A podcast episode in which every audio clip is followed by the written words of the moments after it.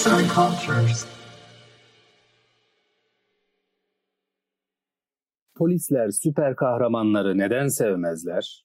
Süper kahraman filmlerinin olmazsa olmazlarından biri de kahramanların peşine takılan polislerdir.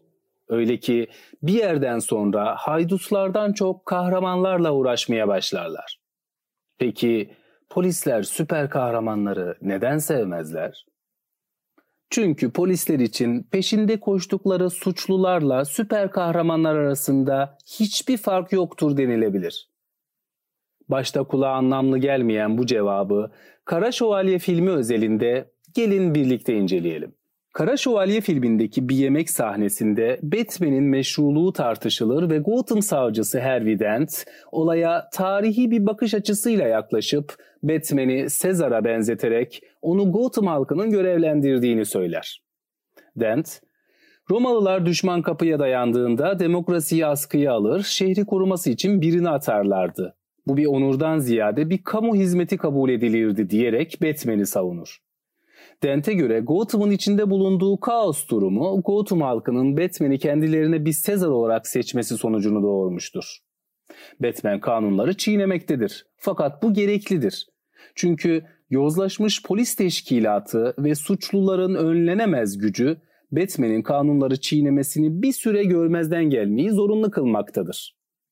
Rachel ise Dent'in sözlerine Romalıların cumhuriyeti koruması için tayin ettikleri son kişi Sezar'dı.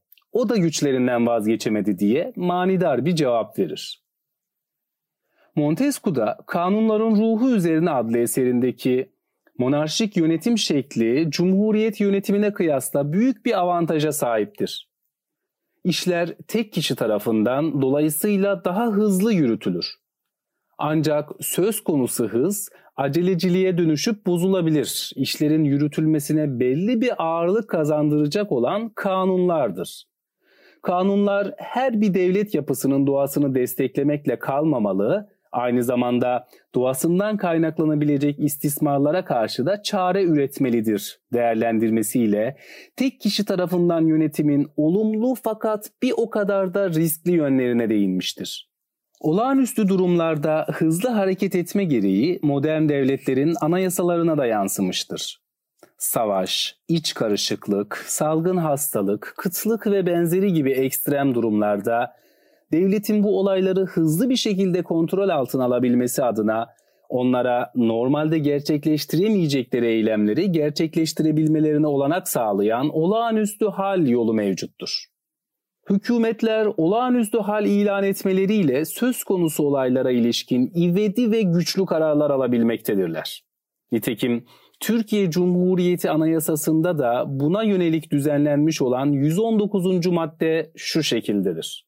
Cumhurbaşkanı savaş, savaşı gerektirecek bir durumun baş göstermesi, seferberlik, ayaklanma, vatan veya cumhuriyete karşı kuvvetli ve eylemli bir kalkışma, ülkenin ve milletin bölünmezliğini içten veya dıştan tehlikeye düşüren şiddet hareketlerinin yaygınlaşması, anayasal düzeni veya temel hak ve hürriyetleri ortadan kaldırmaya yönelik yaygın şiddet hareketlerinin ortaya çıkması, şiddet olayları nedeniyle kamu düzeninin ciddi şekilde bozulması, doğal afet veya tehlikeli salgın hastalık ya da ağır ekonomik bunalımın ortaya çıkması hallerinde yurdun tamamında veya bir bölgesinde süresi 6 ayı geçmemek üzere olağanüstü hal ilan edilebilir.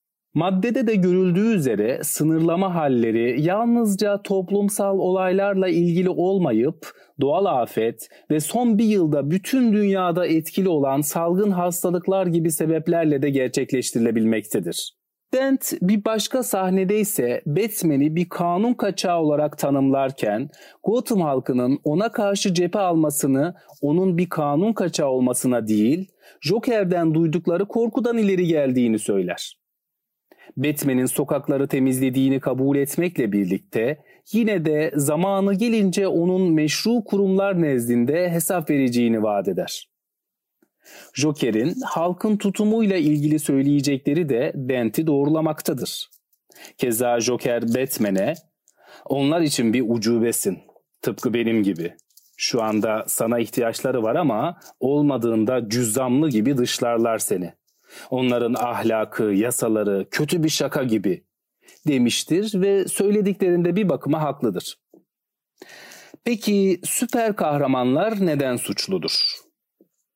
Süper kahramanlar güç kullanma yetkisini kendilerinde doğal bir hak olarak görmektedirler. Onlara göre polis ve askerler toplumu yahut devleti tehdit eden güçle başa çıkma konusunda yetersizdir ve bu duruma müdahale etmesi gereken biri vardır.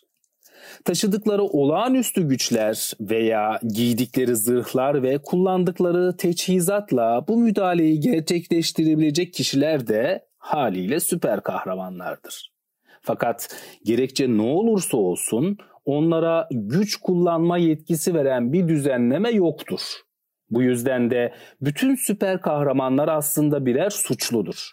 Çünkü bir devlette güç kullanma yetkisi kanunlarla belirlenen organlar tarafından yine kanunlarla belirtilen şekil ve sınırlar dahilinde gerçekleşmektedir.